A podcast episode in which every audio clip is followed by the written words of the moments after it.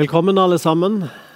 Det er palmesøndag og enda en søndag av de som vi formidler fra Misjonskirka her på en spesiell måte. Håper dere har det bra der dere sitter eller står eller går og eh, hører disse ordene. Og I dag så henter jeg en tekst fra Matteus evangeliet kapittel 21, og som jeg har satt som overskrift over 'Jesus kommer til oss'. Og Jeg leser da fra vers 1 i kapittel 21. Da de nærmet seg Jerusalem og kom til Betfage ved Oljeberget, sendte Jesus to disipler av sted og sa til dem.: Gå inn i landsbyen som ligger foran dere. Der skal dere straks finne et esel som står bundet og har en fole hos seg. Løs dem og lei dem hit til meg. Om noen kommer med spørsmål, skal dere svare, Herren har bruk for dem. Da skal han straks sende dem med dere. Dette skjedde for at det ordet skulle oppfylles som er talt gjennom profeten. Si til datter Sion, se din konge kommer til deg, ydmyk er han og rir på et esel og på trekkdyrets fole. Disiplene gikk av sted og gjorde som Jesus hadde sagt, og hentet eselet og folen. Så la de kappene sine på dem, og han satte seg opp. Mange i folkemengden bredte kappene sine utover veien, andre skar greiner av trærne, strødde på veien. Og mengden som gikk foran, og de som fulgte etter, ropte Hosianna, Davids sønn.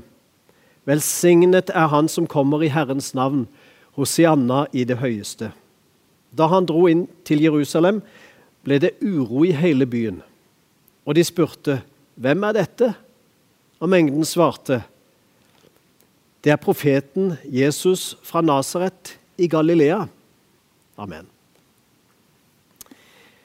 Det er mye som kan sies når Jesus er i nærheten, og når Jesus kommer nær mennesker. Da skjer det alltid noe nytt. Og På denne måten så ville Jesus vise at han kommer med fred. Og hvorfor det? Jo, først og fremst fordi han brukte esler til å ri på. En, e, et esel, en eselfole, som helt klart betydde noe med ydmykhet og noe med å sette seg på et lavt nivå. Han kunne brukt eh, hest, han kunne satt høyt til værs over alle andre, men han brukte et esel. Akkurat for å vise de fredstanker han har. Selv om han var konge på så mange måter. Han hadde vist det for mennesker så mange ganger før at han egentlig bare kom for å gjøre godt. Han kom for å frelse, han kom for å gi fred. Eh, det viste han bl.a. at han gikk først til de fattige, ikke til de rike.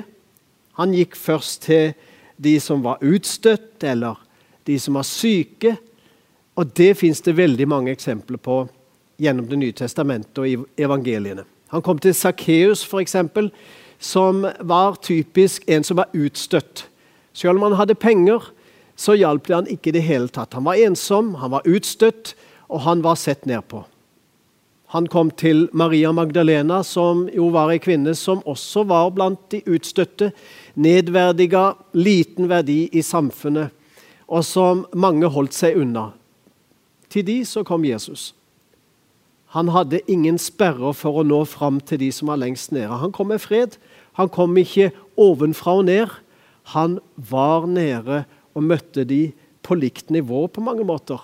Han respekterte de som mennesker. Og han kom med håp og fred så mange ganger.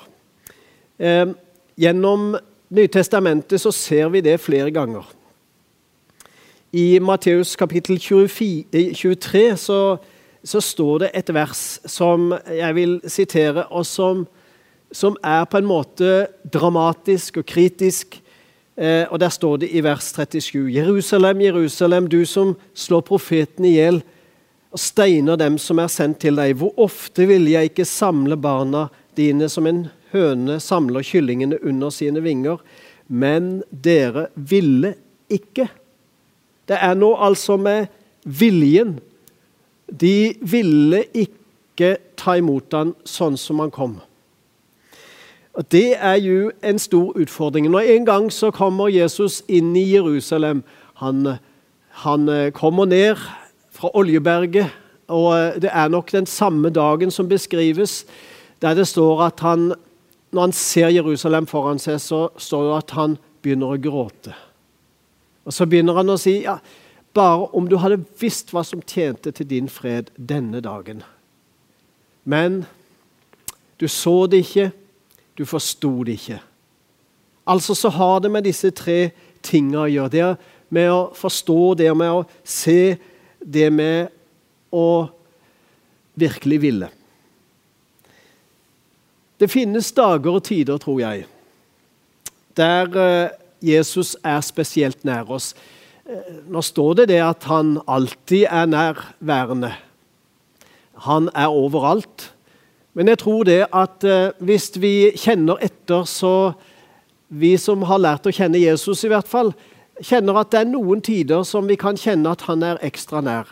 Og Kanskje du òg som ikke ber til daglig, eller har spesielle gudsopplevelser i en eller annen forstand, av og til har merket at det fins noen tider og stunder og hendelser der du lurer på om det var Jesus som var nær da, og du kjente en spesiell opplevelse eller hadde en spesiell følelse den dagen. Eh, jeg tror det fins sånne tider, ja, hvor Jesus er nær, og på en måte han gir oss sjansen på et viktig valg. Og vi kan la det gå oss forbi. Vi kan la det passere. Men når vi ser mulighetene, når vi ser mulighetene Gud gir oss da, tror jeg det er så viktig å velge det da. Å åpne seg for mulighetene Gud gir oss da. Det å forstå at han vil oss det beste. Det å se når han åpner opp for oss. Jeg tror ofte det handler om å bøye seg for Gud. Bøye seg for den han er, for den han viser oss at han er. Da spør jeg hva hindrer oss egentlig i dette her? Hva er det som stenger igjen når vi har sjansen? Hva er det som åpner når vi har sjansen? Jeg tror ofte det er vår vilje. At vi velger det, eller velger det bort. Han ble tatt imot som konge. Han gjorde det på flere måter. De begynte å rope, står det det står noe merkelig i Bibelen, et uttrykk, et gresk ord, som betyr noe i nærheten av et jordskjelv når Jesus rei inn i byen den dagen. Det var som om jorda gynga og hele bakken rista. Og det, Egentlig er det et ord som også kan brukes om det som vi bruker uh, til å måle jordskjelv med. En seismograf. Det hadde samme røttene i ordet på gresk. Så på en måte påskas budskap, palmesøndag, det begynner med et kommende jordskjelv. Når Jesus rir inn i byen. Eh, og I vår oversettelse nå så står det det ble uro i hele byen. Men egentlig det ble en stor bevegelse. Det ble en rystning. Det ble et lite jordskjelv som var på gang når Jesus rei inn i byen. Og det var disiplene som starta det. Barna fulgte på, og folket fulgte på, og til slutt så ropte det overalt. Hosianna i det høyeste. Og, og, det var litt et opptog. Og jeg tror Hadde vi vært med den dagen, så hadde vi kanskje benytta sjansen til å kaste oss inn, vi òg. Ropt og hylla Jesus som konge. Dessverre så skulle ikke det ropet vare mange dager. I løpet av kort tid så ble det ropet snudd til noe helt annet. Fordi at de forsto ikke, de så ikke, og de ville egentlig ikke ha det som Jesus kom med. Bare fred, bare frelse, bare håp.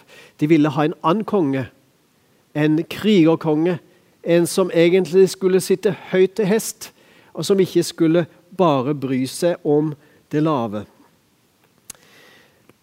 Det er rart med forventningene våre. Av og til så har vi noen forventninger, og når ikke de innfris, så blir vi skuffa. Og sånn var det med folket den dagen, tydeligvis. Jeg tror nok også disiplene ble litt skuffa. Hvorfor benytter du ikke anledningen, Jesus, sa de helt sikkert til han. Hviska til han, nå hadde du sjansen til å virkelig ta den store posisjonen. Og så gjorde han ikke det. Så brukte han denne sjansen til å vise hvem han er. Han som kom med fred. Selv om de ikke forsto ham. Selv om ikke mange så det. Jeg tror det er det samme i dag. At kanskje vi velger bort det som vi ikke ønsker å ha. Og så sitter vi kanskje igjen med ingenting. Hvis vi bare vil ha den delen av Jesus som er behagelig, eller den delen av Jesus som vi hadde lengta spesielt etter. Eller den delen av Jesus som vi så fullt og fast trodde på at sånn måtte det være. Sånn måtte han fungere for oss og i våre liv og i vår situasjon, i vår familie, i vår, på vårt sted, i vårt land, i vår verden. Og så var han ikke kanskje helt sånn som vi trodde i begynnelsen. Når vi begynner å lære Jesus å kjenne, så er han en konge som har et annen type kongerike. Som ikke kommer med makta først og fremst. Som ikke kommer med pengene først og fremst. Som ikke kommer med politikken først og fremst. Men han kommer med fred, og han rir inn i Jerusalem denne første palmesøndagen for over 2000 år siden med fred. Og det ble vanskelig å ta imot det, tydeligvis. Igjen tilbake til oss. Hvis vi bare vil ha det som passer oss, så tror jeg vi blir skuffa og sover Jesus. Hvis vi skreller vekk det som vi syns er upassende, ja, så tror jeg også vi sitter igjen med ingenting. For vi har på en måte bomma på hvem Jesus egentlig er. Hvordan er Jesus da? Jo, slik han kom inn i Jerusalem denne palmesøndagen. Og I dag så kommer altså Jesus til oss på nytt igjen. Hva ville han gjort i dag om han kom inn i Lyngdal eller i landet vårt i dag, inn i en stor by? Ja, Han ville vel ikke brukt esel, det tror jeg nok ikke. For det hadde ikke vært dagens framkomstmiddel. Men han hadde nok kommet på en måte som vi kanskje hadde stussa på.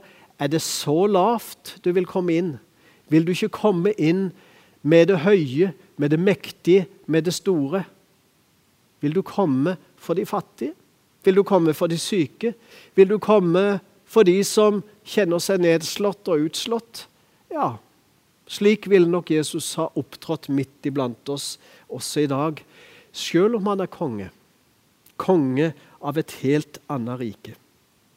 Og Hvis vi slipper han inn med den han er, ikke tar bort noe, ikke legger til noe, men tar imot Jesus akkurat slik som han er, uten noe annet, ja, så vil han ri inn i våre liv i dag. Så vil han komme til oss på nytt.